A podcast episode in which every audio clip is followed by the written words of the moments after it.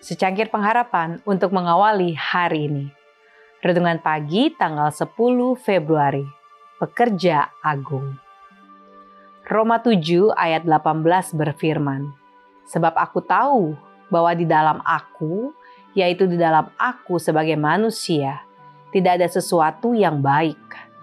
Tidak seorang pun dari rasul-rasul atau nabi-nabi yang pernah mengaku bahwa mereka tidak mempunyai dosa.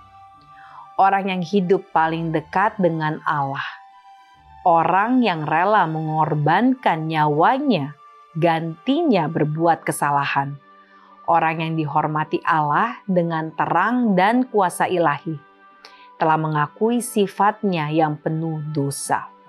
Mereka tidak menaruh keyakinan dalam tubuhnya tidak mengakui kebenaran dirinya sendiri, tetapi telah percaya dengan sepenuh hati dalam kebenaran Kristus.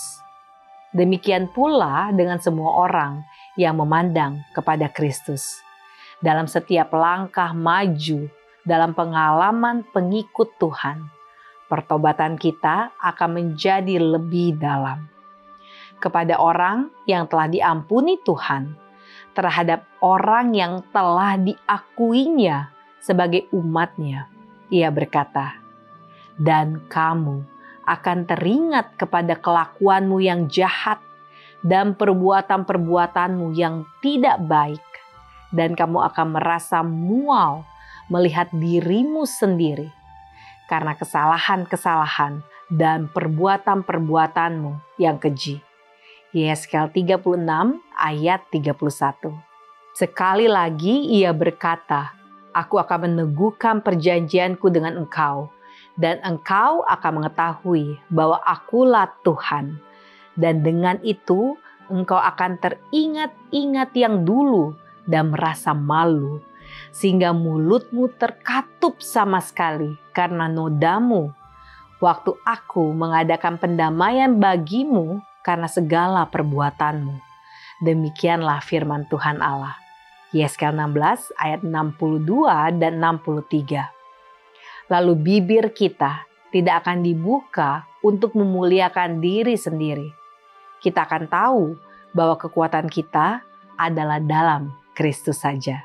Kita akan menjadikan pengakuan rasul menjadi pengakuan kita. Sebab aku tahu bahwa di dalam aku yaitu di dalam aku sebagai manusia. Tidak ada sesuatu yang baik, tetapi aku sekali-kali tidak mau bermegah selain dalam salib Tuhan kita.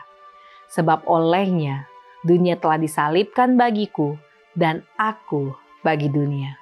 Roma 7 ayat 18.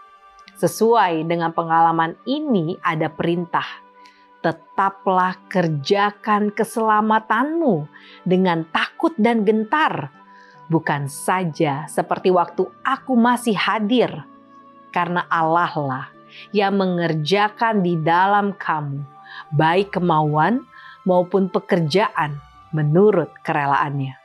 Filipi 2 ayat 12 dan 13. Allah tidak mau engkau merasa takut bahwa ia akan gagal untuk menggenapi janjinya, bahwa kesabarannya akan habis atau pengasihannya akan ternyata berkurang. Takutlah, jangan sampai kemauanmu tidak akan ditaklukkan kepada kemauan Kristus, supaya jangan sifat-sifat warisanmu yang telah bertumbuh itu akan mengendalikan kehidupanmu. Allah lah yang mengerjakan di dalam kamu, baik kemauan maupun pekerjaan menurut kerelaannya. Takutlah, jangan sampai kemauan diri sendiri akan menghalangi tujuan tinggi yang pekerja agung ingin laksanakan dengan perantaraanmu.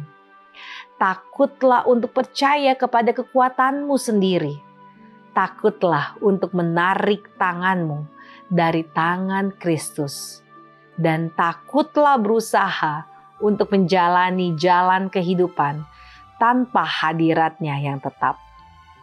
Doa kita hari ini, ya Tuhan, di tengah kehidupan yang memiliki begitu banyak kejahatan dan kekhawatiran. Kami mau meminta kepadamu untuk memberikan kekuatan dan perlindungan kepada kami. Amin.